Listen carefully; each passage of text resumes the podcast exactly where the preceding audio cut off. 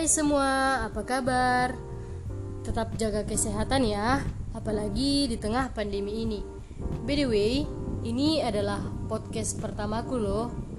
Namun sebelum itu, saya ingin perkenalkan diri dulu ya. Karena ada pepatah mengatakan, tak kenal maka tak sayang, sesudah kenal maka akan sayang. Hehe, benar juga sih ya. Kenalin, namaku Nunut Epe Turi, biasa dipanggil Nunut. Saya seorang mahasiswa di Universitas Mulawarman, Fakultas Kehutanan, jurusan Kehutanan, angkatan 2019. Salam kenal ya, teman-teman semua. Kali ini aku akan berbincang-bincang tentang seorang tokoh Alkitab yang mungkin kita sudah sering dengar, yaitu tokoh Alkitab Esau. Esau adalah anak tertua dari Ishak dan Ribka. Esau adalah menantu dari Ismail. Esau memiliki saudara kembar yang bernama Yakub. Ciri tubuh Esau dan sifat Esau sangatlah berbeda dengan adik kembarnya. Esau memiliki kulit yang berbulu lebat dan suka memburu. Sebaliknya, Yakub justru berkulit bersih dan lebih suka tinggal di rumah, seperti memasak dengan ibunya daripada berburu seperti abangnya Esau. Sebagai anak sulung, Esau mempunyai hak kesulungan, tetapi Yakub menukar hak kesulungan Esau dengan masakan yang telah dibuat oleh Yakub. Kita pasti tahu bahwa kisah Esau yang menjual hak kesulungannya kepada saudara kembarnya Yakub yang tertulis di dalam Kejadian 25 ayat 30 sampai 34. Cerita ini memang menarik sih.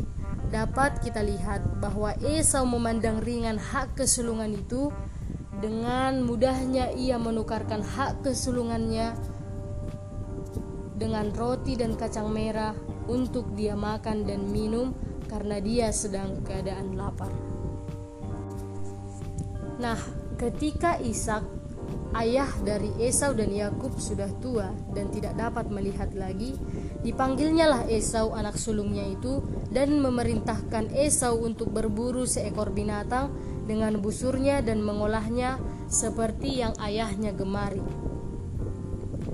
Supaya ayahnya Ishak memberkati dia sebelum Ishak mati. Tetapi Ribka mendengarkan perbincangan antara Ishak dan Esau dan menyampaikannya kepada anaknya Yakub. Dan Ribka pun menyuruh anaknya Yakub supaya mengambil kambing domba dan mengolahnya supaya yang diberkati adalah Yakub. Dan Yakub pun pergi melaksanakan seperti apa yang diperintahkan oleh ibunya dia pergi mengambil kambing domba dan dia mengolah kambing domba tersebut seperti yang ayahnya gemari dan dia pergi ke kamar ayahnya untuk memberikan itu kepada ayahnya supaya ayahnya memberkati Yakub. Ketika Yakub sudah diberkati dan keluarlah Yakub dari kamar Esau, di situ Bertepatan waktunya Esau pun datang dan membawa apa yang telah dia olah dengan hasil buruannya untuk dia berikan kepada ayahnya. Tetapi ayahnya berkata kepada Esau, "Aku telah memakan semuanya sebelum engkau datang dan telah memberkati dia, dan dia akan tetap orang yang diberkati Sesudah Esau mendengarkan perkataan ayahnya itu, meraung-raunglah ia dengan sangat keras dalam kepedihan hatinya serta ke berkata kepada ayahnya, "Apakah aku tidak mendapatkan berkat lagi?" Dari situ dendam Esau terhadap Yakub semakin hari semakin dendam karena adiknya Yakub telah mengambil hak kesulungannya dan yang diberkati bukan Esau tetapi justru Yakub yang diberkati oleh ayahnya.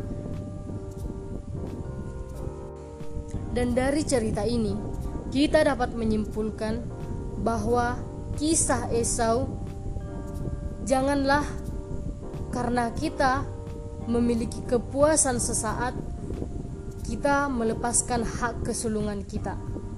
Seperti Esau yang lebih memilih dan memuaskan seleranya daripada mempertahankan hak kesulungannya.